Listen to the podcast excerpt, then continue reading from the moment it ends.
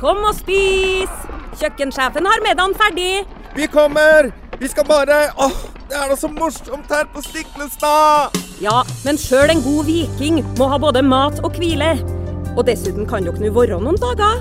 Velkommen til Scandic Stiklestad. Moderne fasiliteter i historiske omgivelser. Det var her det skjedde. Det er her det skjer.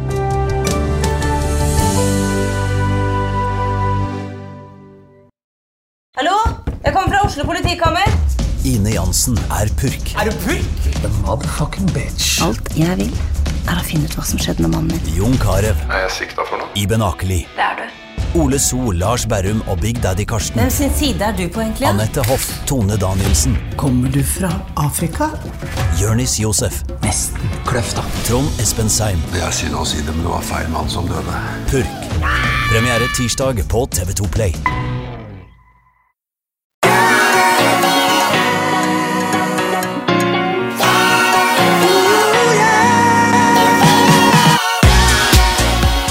Velkommen til podkasten Hjernesterk. Ole Petter, hyggelig å få besøk. Du er på farten. Du har vært litt sånn rundt omkring i dag. Du har bl.a. vært på Ekko på NRK1. Uh, vært og spilt inn noe film om noen vaner og sånn. Eh, det kan vi komme tilbake til. Alt er bra. Du, bra. Det har vært en dag fylt med action og um, snakk om vaner. Helt tilfeldig. To oppdrag på én dag hvor eh, alt egentlig har handlet om vaner og uvaner. Ja, Blitt en vane for deg, det der. Holde på sånn. Eller en uvane, kanskje. Ja, eller en uvane, ettersom. Du, eh, vi snakket litt om eh, Vi har jo så snille lyttere som, eh, som hjelper oss med spørsmålene våre, som vi ikke klarer å svare på selv. Uh, Mathilde her skriver tilbakemelding angående Mats, som lurte på om han hadde løpt på seg pollenallergi. Det var vel forrige episode eller episoden før vi snakket om det. Jeg har vært plaget med dette i mange år i forbindelse med fysisk aktivitet. Ble utredet på øre, nese, hals. Og dette er Så, så skriver hun da vasomotisk rinitt. eh, Men det er vel egentlig, heter vel egentlig noe annet, gjør det ikke det? Ja, Det heter vasomotorisk rinitt. Og um, ja, Det er en tilstand hvor du har veldig følsomme slimhinner. Hvor blodårene utvider seg eh, under eksponering da, for forskjellige det vi kaller allergener. Og Det kan være pollen, det kan være kulde, det kan være fysisk aktivitet. Det kan være litt forskjellig. Ja. Og Da blir du tett i nesa og det renner fra øynene. og Vanlig allergi. da. Ja. Det er visst ikke uvanlig, skriver hun da. Så det kan skje både utendørs og innendørs. Uh, ofte, hvis det er lenge siden sist man har hatt høy puls, sånn som jeg beskrev det, i og med at det var Holmenkollstafetten dette skjedde, og det var litt sånn sjokk for kroppen, fordi plutselig tok jeg igjen. Så det kan da forebygges, skriver Mathilde, eh, med f.eks. Nasonex før trening. Takk for det, Hilde. Ja, jeg tenkte jeg kunne bare komme med en liten kommentar der. for det, Dette var jo et spørsmål uh, som du egentlig stilte i, i din egen podkast. Om du hadde løpt på deg pollenallergi.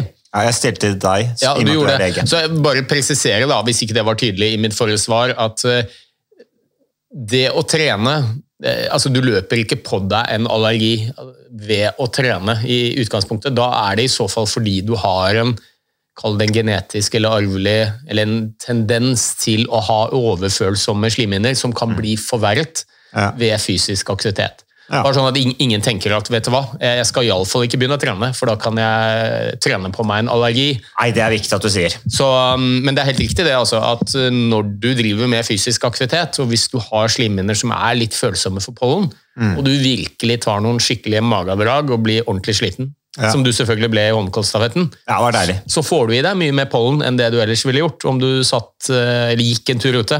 Mm. Uh, Og da kan det være over det nivået som gjør at du faktisk uh, irriterer slimhinnene dine ekstra mye. Ja, men eh, det er jo som du sier, Ole Petter, og viktig at du presiserer. Vi sitter ikke i podkasten Jernsterk og advarer folk mot å drive fysisk aktivitet. Nei da, men, men det er helt klart, hvis du, hvis du sliter da med sånn vasomotorisk rinitt, som det heter, som Mathilde beskriver, så, så er det greit å vite om. eh, Og det er noen forebyggende tiltak man kan gjøre. Eksempel så vet vi at det å varme opp godt og være god og varm før man eventuelt begynner å, å gi på litt ekstra, kan forebygge. Og så nevnte Mathilde et legemiddel, Nasonex. Det er eh, et sånn kortisonholdig legemiddel. Kortison og greier. Ja, som gjør at disse slimhinnene blir litt eh, mindre hovne, da. Som eh, kan hjelpe de som er aller hardest rammet. Ja, men det er vel da et reseptbelagt eh, en reseptbelagt medisin, eller? Ja, Nasonex tror jeg er det. Det er en del nesespray du kan få uten resept på Circle K-butikken din, men Ja. akkurat Nasonex Mulig jeg ble arrestert her, for dette husker jeg ikke helt. Så lenge siden jeg Nei, jobbet farlig, som fastlege. Det er ikke så farlig. Men det er i alle fall, uansett så er det noe du bør eh, få Hvis du sliter med dette og lurer på om det er det du har, så, så få hjelp av fastlegen din. Mm, Eh, ja. Selv, selv om du kan kjøpe disse tingene eventuelt uh, uten resept, så er det greit å få litt faglig råd og veiledning. Ja. Nesespray er faktisk veldig avhengighetsskapende og kan skape problemer for noen. Man rett og slett ikke klarer å legge den bort. Ja, jeg har, jeg har noen venner, jeg skal ikke nevne navn, men uh, som uh, må ha nesespray hver dag, og da har det gått for langt. Altså. Det, det er ikke bra. Så, men uh, takk til Mathilde som sender inn innspill. Og så, Ole Petter, i og med at du har vært på Jeg tror vi har snakket om vaner og uvaner og i det hele tatt tidligere, men det er jo litt sånn tema som er ganske viktig, syns jeg, i forhold til dette vi skal ha skal fokusere på i podkasten Hjernesterk. Eh, å være hjernesterk er liksom det der å ha gode vaner. Eh, og, og unngå, altså bekjempe de dårlige vanene. Nå er det jo sånn at eh, å ha noen uvaner, det er ikke noe krise, det. Eh, et helt perfekt liv, liksom. Det, det er jo en utopi for de fleste. Men eh, i og med at du har vært og snakket så mye om vaner og uvaner i dag, eh, har du, du, hvilke råd har du gitt når det gjelder det å få gode vaner? Ja, jeg sy- syns jo det er litt interessant. Altså, Vi er jo vanedyr, vi mennesker. Vi tror at ca. 40% av alt det vi gjør i løpet av en dag, det er en vane. Og, og de fleste av disse vanene er jo fine. Ikke sant? Vi står opp og kler på oss og spiser frokost og pusser tenna, knytter skolissen, putter på setebelte i bilen. Ja. Og Alt dette nesten uten å bruke noe mental energi på det. Det er veldig energisparende for hjernen, så hjernen vår elsker jo vaner. Eh, Og det er jo en åpenbar gevinst ved dette, for da, da er det rett og slett sånn at du sparer masse energi på de tingene du gjør hver dag. Så hjernen kan frigjøre sin energi til å ta de store, viktige avgjørelsene i livet. Men så er jo litt av problemet at hjernen vår skiller ikke mellom vaner og uvaner. Nei. Så eh, den er like glad i begge deler. Ja. Og de aller fleste av oss har jo noen uvaner. Men er hjernen like glad i begge deler? Altså, jeg tenker på, Er det ikke en del av hjernen som sier at den uvanen her bør du prøve å kvitte deg med? Jo, altså saken er jo at eh, vaner det er ting vi gjør på autopilot, og det styres av den ikke-rasjonelle delen av hjernen. altså Det styres ubevisst via den primitive delen av hjernen vår. Eh, Og, og dette kommer ikke til bevissthet i særlig grad. Så veldig mange av de tingene vi gjør, eh, og det kan være en vane, pusse tenna, eh, spise frokost, det kan være en uvane, ta seg en snus, røyke, eh, spise potetgullet. Vi gjør det relativt ubevisst. Jeg har jo mange pasienter jeg som røyker, og så spør jeg hva Når er det du røyker? Når er det du bevisst eh, tar opp en røyk? Så sier jeg nei, det aner ikke, jeg bare gjør det. Ja. Så, så, så dette styres av ubevisstheten. Og hjernen vår kan ikke skille mellom en god vane og en dårlig vane. Og noe av det som f.eks. for eksempel ville vært en god vane for veldig lenge siden, da hjernen vår ble utviklet, lysten på kaloririk mat, det var jo livrevne på savannen. Ja. Kjempebra at du fikk lyst på mat med mye sukker, med mye fett. Holdt deg i live lengst mulig. Det er jo dagen, kan være en uvane. Hvis man f.eks. har overvekt eller fedme og bør gå ned i vekt. Så, så alt dette skjer ganske ubevisst, Ja. eh, og hjernen vår klarer ikke å skille mellom en vane og en uvane. Og så er jo litt av nøkkelen, da, hvis du skal endre en uvane, nesten uansett hva det er for noe, om du skal begynne å trene mer, sove mer, spise sunnere, slutte å snuse, spare penger til pensjon, Ja. helt forskjellige ting, så er jo mange av de me altså mekanismene inni hjernen er ganske like. Så det er på en måte de samme verktøyene du bruker da, for å kunne endre vaner. Og vaner er ganske oppgåtte spor, fysiske spor i hjernen din, sånn at de er litt tricky å endre. Men de kan utvikles, altså en, en, noe som ikke er en etablert vane, altså gjennom da noe fysisk oppi hjernen din, det kan utvikles over tid hvis du bare jobber med det. Er det ikke litt sånn at de sporene kan gås opp allikevel? Ja, det, er fullt mulig å endre vaner, Ja. eh, endre uvaner, Ja. men det krever litt jobbing. Fordi dette styres stort sett av ubevisstheten. Og, det er jo egentlig ganske logisk også. Jeg tror ikke det finnes en nordmann i dag som ikke vet at det er viktig Altså Den rasjonelle delen av hjernen vår vet at det å bevege seg og trene det er superviktig for oss. For helse, for livskvalitet osv. Allikevel så er det jo en majoritet av nordmenn som sliter med det. Ja. Og litt enkelt sagt så er det fordi at inaktivitet har blitt en vane. Eh, og det syres av den eh, primitive, ubevisste delen av hjernen vår, som overvinner den rasjonelle delen av hjernen som sier vet du hva, det er viktig å trene, viktig å holde seg i form, viktig for helsa. Det vet folk, men så blir de allikevel sugd inn i sofaen. Ja. Og hjernen den vil jo hvile. Det har du snakket mye om. ikke sant? Fordi at det er vi fra tidenes morgen, så, så er vi programmert til å hvile, for det, det var livsnødvendig. Den primitive delen av hjernen er ganske lat. Mm. Ja. Den er laget for fysisk aktivitet når vi må, latskap når vi kan. Men det går jo an å overvinne dette her, da. Og, og hvis du skal nevne noen nøkler, uansett hvilken uvane du skal endre, så tror jeg det handler om én å gjøre noen små endringer av gangen. Altså Kanskje skal du på en lang reise fra A til Å, jeg har sagt mange ganger, Ja. men det kan du ikke ta i ett steg. Nei. Så gjøre bitte små endringer. Er det kosthold, så kan det være å kutte ut én type mat, brusen. Eller det kan være å bytte ut en veldig usunn matvare med en litt sunnere. Eh, når det gjelder fysisk aktivitet, så er det gjerne å Hvis du vil at det skal bli en vane, gjør litt ofte. Jo oftere du gjør det, jo større sannsynlighet for at dette blir en ny, nytt oppgått spor fysisk i hjernen din, sånn at det er lettere å holde fast ved det. Så, så bitte små endringer over tid, som er realistiske å få til, Ja. da er det stor sjanse for at du klarer det. Det skaper mestring, som er drivstoffet.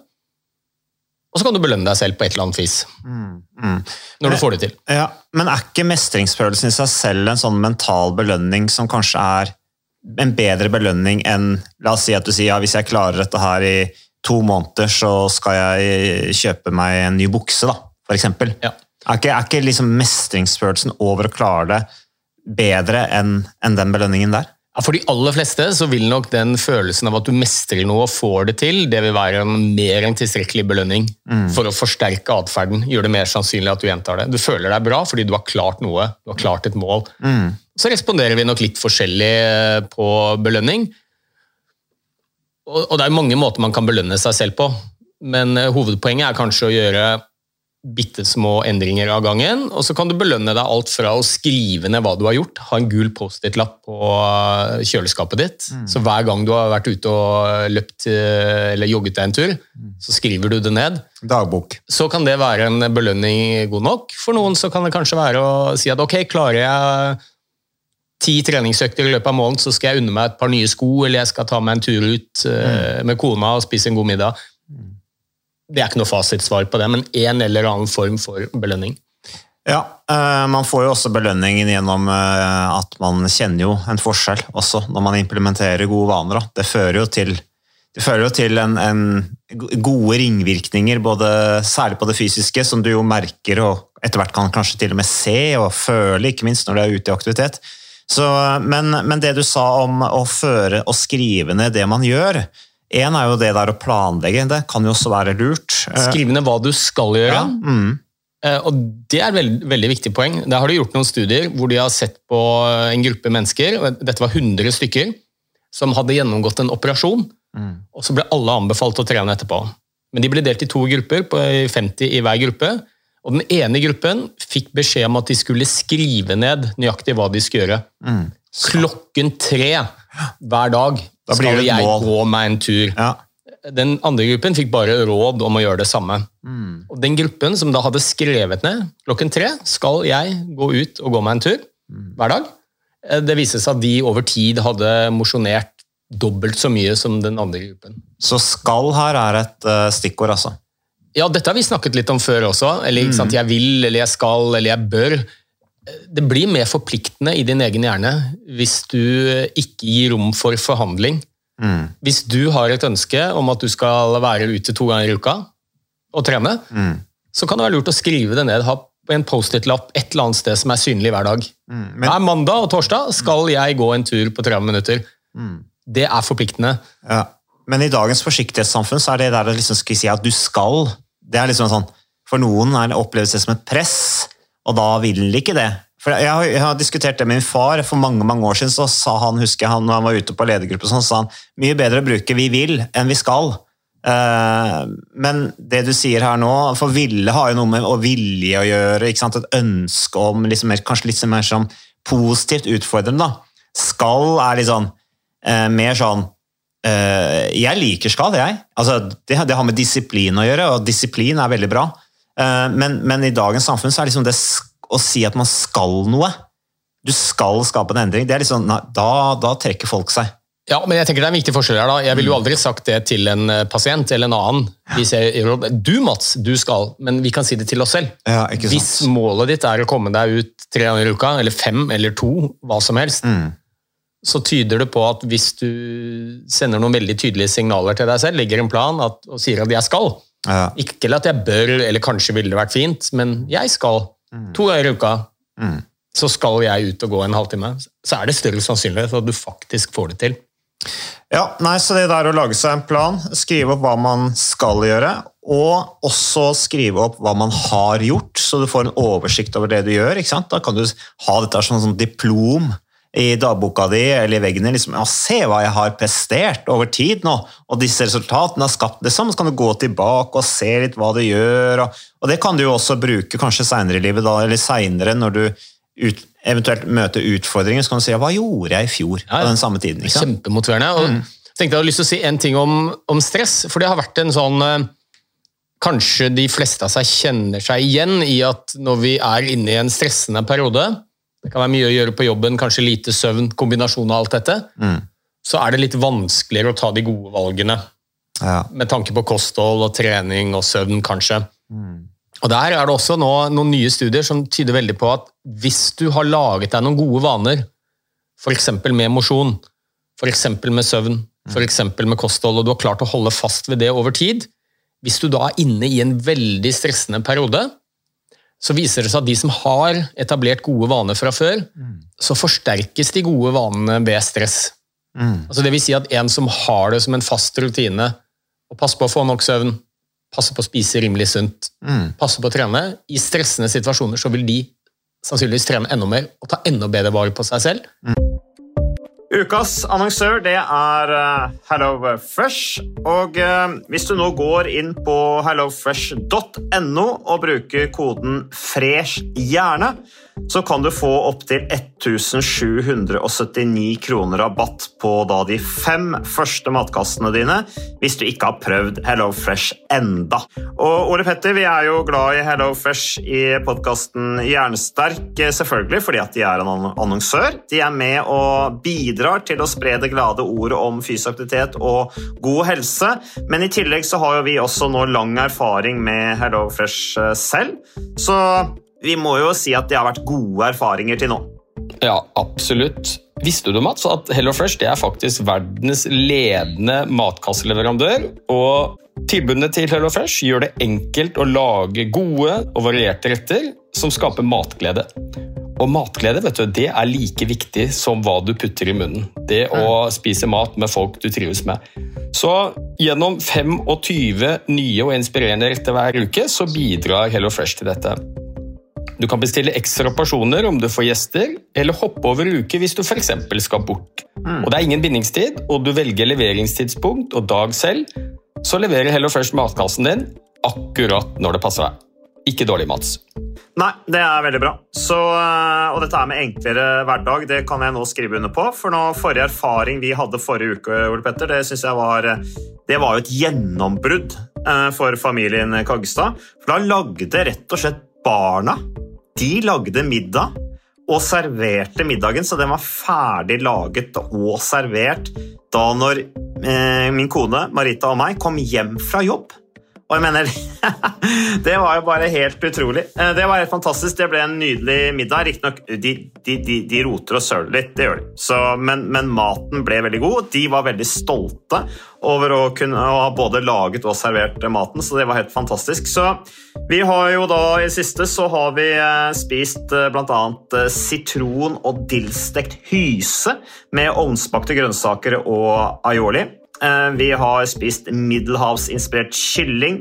Taco, så finnes det mange ulike typer taco. F.eks. vietnamesisk taco, som vi har spist. Thailandsk vegetargryte. Veldig riktig og sunt eh, i dagens eh, samfunn med, med fokus på bærekraft. Hvitløk og chilistekte reker i spagetti, det var definitivt en vinner. Så det er så flott. Du får rimelig mat ved at du kun betaler for det du trenger, så det blir ordentlig feststemning med Hello Fresh. Det gjør det, og nå er det bare for deg å gå inn på hellofresh.no og bruk koden FRESH hjerne'. Da får du opptil 1779 kroner rabatt på de første fem matkassene dine, hvis du ikke allerede har prøvd HelloFresh. Du kan også bruke rabattkoden hvis du har stoppet abonnementet ditt for tolv måneder siden eller mer. Er det noe å lure på? Håper maten smaker godt. Bon appétit! Mens vice versa, de som kanskje i utgangspunktet har litt dårlige vaner, spiser mye junkfood, sover for lite, er inaktive, når de opplever stressende situasjoner, så vil de forsterke den dårlige atferden. Så da spiser de enda mer junkfood. Er Ja. mindre aktive. Så, så det er et veldig godt argument for eh, å prøve å etablere noen gode vaner. De gjør deg mer robuste, spesielt når det stormer litt. Mm, mm. Ja, og Det er veldig interessant det du sier der om uh, å ta ekstra godt vare på seg selv i krevende perioder. Det er virkelig da man trenger Det det. er da det, det har størst gevinst. Ja, og det var liksom, når vi var hos eh, Pareto Securities og snakka med Christian Jomås, som er lederen der, og liksom de periodene hvor de virkelig jobber hardt, det er jo da de står i fare for å bli utbrent. Det er jo da de står i fare for å, å bli slitne og gjøre dårlige beslutninger osv. som kan få konsekvenser for arbeidet deres i forhold til å prestere best mulig. Det er da det er viktig å sette av litt tid til å trene. Men? Det er begrensa hvor mye du kan trene, men litt eh, trening. Nå har jeg vært borte en uke i forbindelse med Tour of Norway, og da trener jeg hver dag. Står opp tidlig og drar ut og trener. Eh, Så, og Det er klart, det gjør at man blir litt mindre sliten når det er over, for da går det jo ett. Jeg snakket også med Gabriel Rask om det, som jeg er sportsdirektør i Team Ineos, det er verdens beste sykkellag. Og Han har jo vært i Tour de France noen år nå, og han sier jo de, de gangene han er flink til å trene der nede hver dag, eh, så kommer, er han jo mye mindre sliten når han kommer hjem igjen til Norge, til familien, etter de fire stressende ukene der, hvor de blir målt ekstremt på prestasjon, og målet er å vinne Tour de France sammenlagt, som er verdens hardeste og største sykkelløp. Så det der eh, at de vanene kan forsterkes i perioder hvor du egentlig blir veldig utfordret på å ivareta dem pga. Mm. tidspress osv., det, er- det er jo litt interessant. Da, det, det, da er du hjernesterk. Da er du gjerne Mm. Men eh, eh, apropos vaner, eh, vi, jeg røyk jo på den der I fjor så hadde vi jo nyttårsforsetter på at jeg skulle tøye ut Jeg husker ikke hva dine var, det var litt forskjellig, men jeg skulle tøye ut. Jobbe mindre. Ja, ja, og det, det tror jeg du røyk på, du også. Eh, Selv om det var pandemi, så, så virka det som de jobba ganske hardt allikevel. Men, eh, men eh, jeg røyk på den tøyinga fram til Tour de France. Da, da, jeg fortsatte å trene sånn, men da slutta jeg å tøye ut, for da ble, det, da ble det ikke tid til det. Men, men eh, fra januar nå så bestemte jeg meg for å stå opp en halvtime tidligere. Fordi kona mi står opp klokka seks. Og så tenkte jeg, Da kan jo jeg stå klokka seks også, istedenfor at jeg skal stå klokka halv sju. sånn som jeg pleide. Så jeg klokka, Nå har jeg stått opp klokka seks, og det har jeg jo egentlig hatt en halvtime ekstra hver eneste dag. Det er ikke noe problem. Legger du en halvtime før da, eller? Ja, men legger, Vi legger oss kanskje litt tidligere, men sånn cirka det samme likevel. Eh, Men den halvtimen det, liksom, det har ikke vært noe problem. Den har jeg holdt i nå, så den, det, det er målet også, å holde den da ut året. Eh, Få en halvtime ekstra føles bra. Nå har jeg mestringsfølelse på til det. ikke sant? Så det, så det, men det er de små tinga, da, som du sier, som er litt viktige. Faren min sa jo også, han, han hadde idrettsutøverne som han jobbet med også, så satte han jo opp alle suksessfaktorene i forhold til å nå målsetning her i livet. ikke sant? Hvis du har et eller annet stort mål som du skal nå om noen år.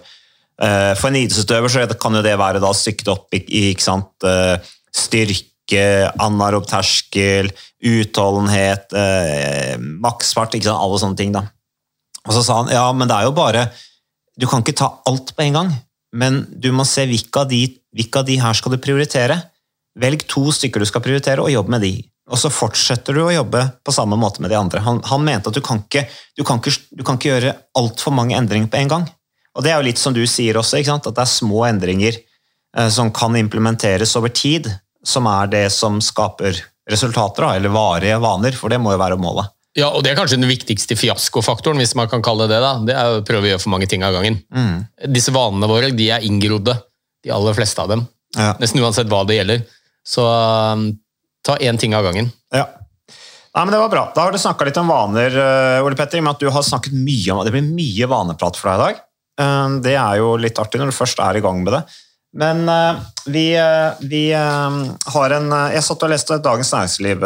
I og med at det nå står opp en halvtime tidligere hver morgen, så har jeg litt mer tid til å lese. Og jeg får jo fremdeles papirer. Nå kan jeg lytterne høre her at jeg sitter med en papiravis. Du er den eneste jeg kjenner Ja. som leser papiravis. Ja, og, Veldig jeg, fint. og jeg merker at den blir jo stadig Den blir jo stadig Altså, det det det sånn Problemet med leveringa, da. For jeg tror ikke folk er altså jeg tror er det fremdeles en eller annen tulling som skal ha papiravis. så det blir det ofte nå hver uke så er det liksom det kom for seint eller kommer ikke i det hele tatt. Men her kommer det, Dagens Næringsliv. Dette er fra mandag 23. mai. Og så er det en som heter Øyvind Kvalnes. Han er altså eh, professor i organisasjonsatferd på Handelshøyskolen BI. Eh, Og jeg tenkte Vi må jo invitere han Kvalnes til å komme og prate i podkasten. Vi, vi har sagt mye om dette med barn, og dette her med at barn skal få utfordre seg og utfolde seg og være ute i lek og beskyttelsessamfunnet. og Han bruker et uttrykk her som heter 'bomullsbarna', og så stiller han da spørsmål i denne artikkelen her. Hvordan står det til med risikoforståelsen blant unge mennesker i dag? Og så har han da et sånn hjertesukk da, for han er erfaren HR-leder han her Øyvind Kvalnes har snakket med, da, eh, som er, driver med rekruttering til industrien. Og Hun sier jo da at hun opplever altså at unge, eh, ungdom som ansettes i dag, ansettes i dag, ofte har dårligere utviklet risikoforståelse sammenlignet med tidligere generasjoner. Det gir seg utslag i enten at de er overdrevet forsiktige når de beveger seg rundt i industrihallen, eller at de tar hårreisende og farlige sjanser på jobb. Og så sier han videre, Noen er redde for å delta i helt normale og trygge prosesser på jobb.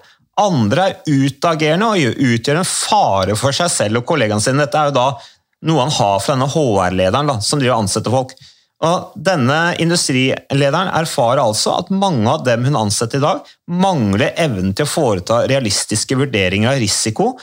Og så spekulerer han da videre på om det skyldes at i dag vi har disse bomullsbarna, som er dette uttrykket han kaller, det, som da er et resultat av et samfunn hvor foreldre, eller vi foreldre, for vi er foreldre begge to, Petter, ikke gir barna våre nok rom til å utforske livet. Eh, drive med lek, hvor de kan faktisk slå seg og skade seg.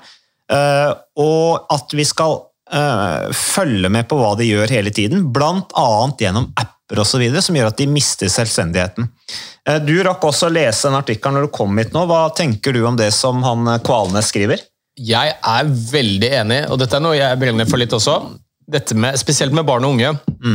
Hvordan de vokser opp i dag. Eh, I dag så lever vi i et ekstremt sikkerhetsfokusert samfunn. Noe av det er veldig bra.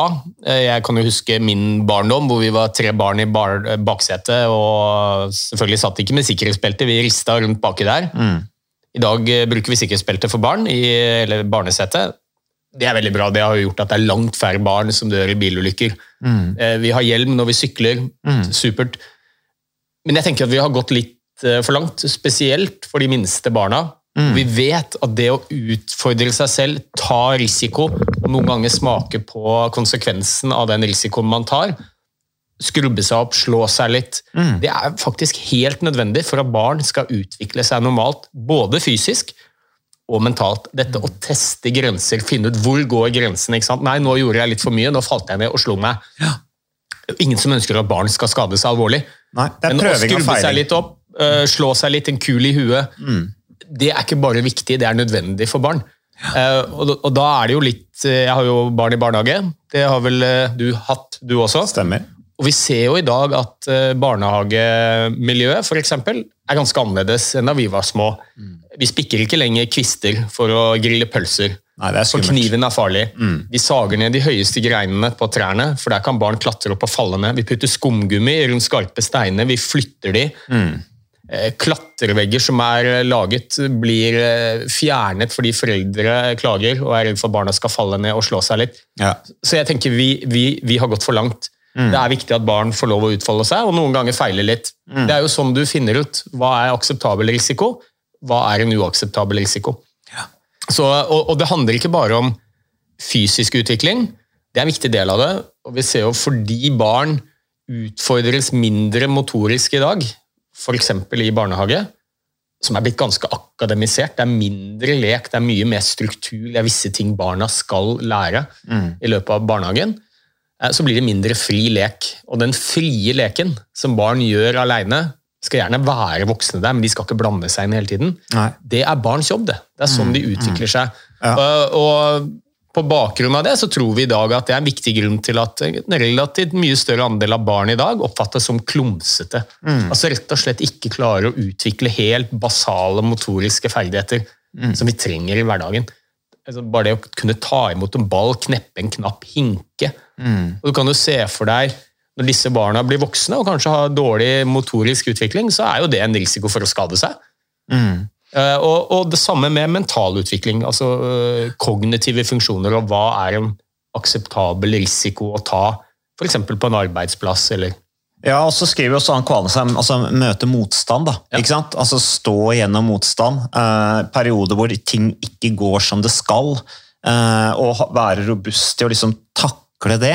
det jeg syns det er ganske interessant det man sier om eh, at, man, at barn er klumsete og de tingene men, men hvis man tenker da i når det her er snakk om da, en artikkel i Dagens, i Dagens Næringsliv, en organisasjonsutvikler som da har snakket med HR-folk i forhold til ansettelser, eh, da begynner det liksom Oi! Da begynner man å sette det litt større bilde, da. Eh, og dette her at altså sk- beskriver han her hvordan da barn som har blitt overbeskyttet og fulgt for mye med på i livet, de oppfatter da at lederen skal ta den rollen Ja, ja. for dem ja. når de begynner i arbeidslivet. Eh, Så det, det er ganske interessante betraktninger som, eller refleksjoner som kommer her, og mye av det er jo også basert på forskning, selvfølgelig, eh, som, som Kvalnes eh, kommer med. Så det er absolutt spennende, så slipp barna fri, kan ja, man vel altså, si. Det er jo barn og ungdommers viktigste rolle kanskje er jo å løsrive seg fra voksne. Mm. Altså utvikle ferdigheter som gjør at de kan stå på egne bein. Eh, og det, det er vanskelig hvis du hele tiden blir fulgt opp. Vi behøver ikke å ha GPS-trekkeren på å vite hvor barna våre er til enhver tid. Eh, og det er greit at de slår seg litt. Mm. Selvfølgelig ikke alvorlig. Og ja, jeg, jeg tenker at vi har gått, eh, gått hakket for langt i å beskytte barna våre. Og da gjør vi det med bjørnetjeneste. Og husk, nå er jeg 50, så for meg så betyr bjørnetjeneste faktisk eh, Det er det motsatte av å gjøre folk en tjeneste. Ja. Unge mennesker i dag tror at bjørnetjeneste betyr at du gjør noen en tjeneste. Å, gjør de det? Ja, det- Det ordet har endret helt eh, betydning hos unge mennesker versus hos oss. Ok, en stor tjeneste. Så å altså. gjøre noen en bjørnetjeneste, det er jo en gigantisk tjeneste det, Ja. for ungdommer i dag. Nei, han skriver her, Kvalens, altså, hva skal du gjøre når du opplever at altså, for å på en måte eh, jobbe imot litt den utviklingen da, uh, som han mener er uheldig. og Da skriver han, det kan, da skriver han som et forslag her For eksempel kan du ta ordet i nabolaget når du ser at voksne blander seg for mye opp i hva barna foretar seg. Da mener han ikke han la barna holde på, som du sier Lykke til med den. Ja, ikke sant? Også, og så skriver han videre Vi må også støtte ansatte som var på jobb den dagen et barn falt ned fra treet eller fikk en pinne i øyet. De får ofte gjennomgå fra foreldre med lav toleranse for skade. Rektorer og barnehageledere har et spesielt lederansvar for å stille opp for dem som var på jobb den dagen ulykken skjedde. ikke sant? Og disse stakkars ansatte ja, får gjennomgå. da. Det er jo et veldig godt poeng, for det er jo ingen barnehageansatte selvfølgelig som ønsker De vil jo bare barna vel, og vil jo ikke at barna skal skade seg alvorlig. Men vi må faktisk godta at eh, poden kanskje kommer hjem med et blødende sår, en kul i panna, kanskje har han fått en kvist i øyet. Ja. Eh, stort sett helt ufarlige ting, men som kan være plagsomt, selvfølgelig. Og viktig at vi da foreldre har litt is i magen og ikke hudfletter de ansatte.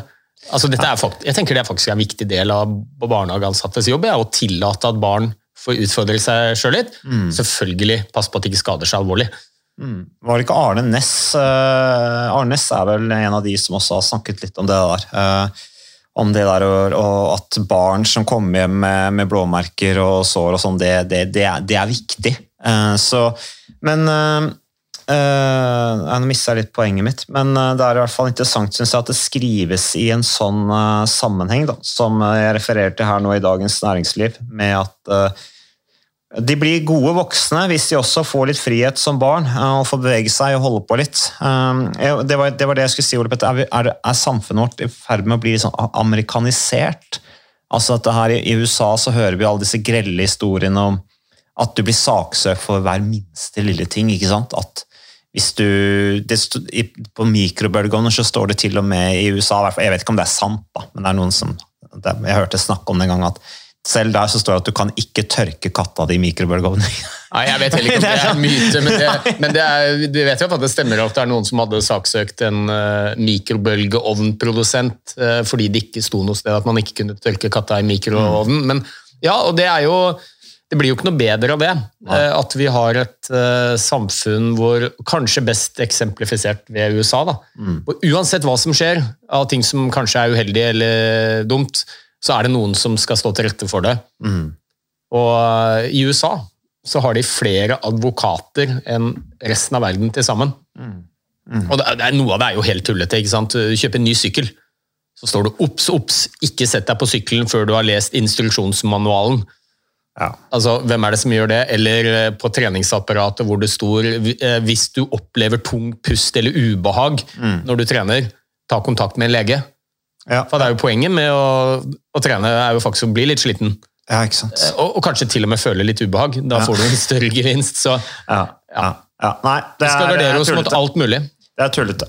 Nei, men uh, da fikk vi snakke litt om det også, Petter. Vi får invitere han uh, Øyvind Kvalnes til, til podkasten vår en dag. Det er i hvert fall interessant å, å, å lese. Og så takker vi også for eh, de som sender inn eh, spørsmål til oss, og ikke minst eh, skryt. eh, ros, eh, ris også, hvis det måtte være det.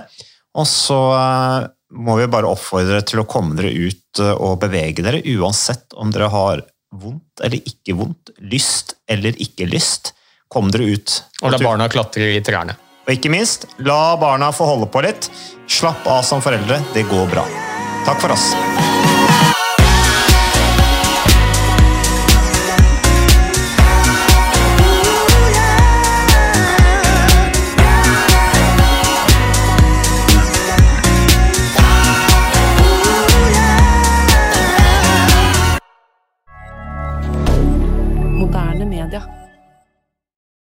Har du et enkeltpersonforetak eller en liten bedrift? Da er du sikkert lei av å høre meg snakke om hvor enkelt det er med kvitteringer og bilag i fiken, så vi eh, gir oss her, vi.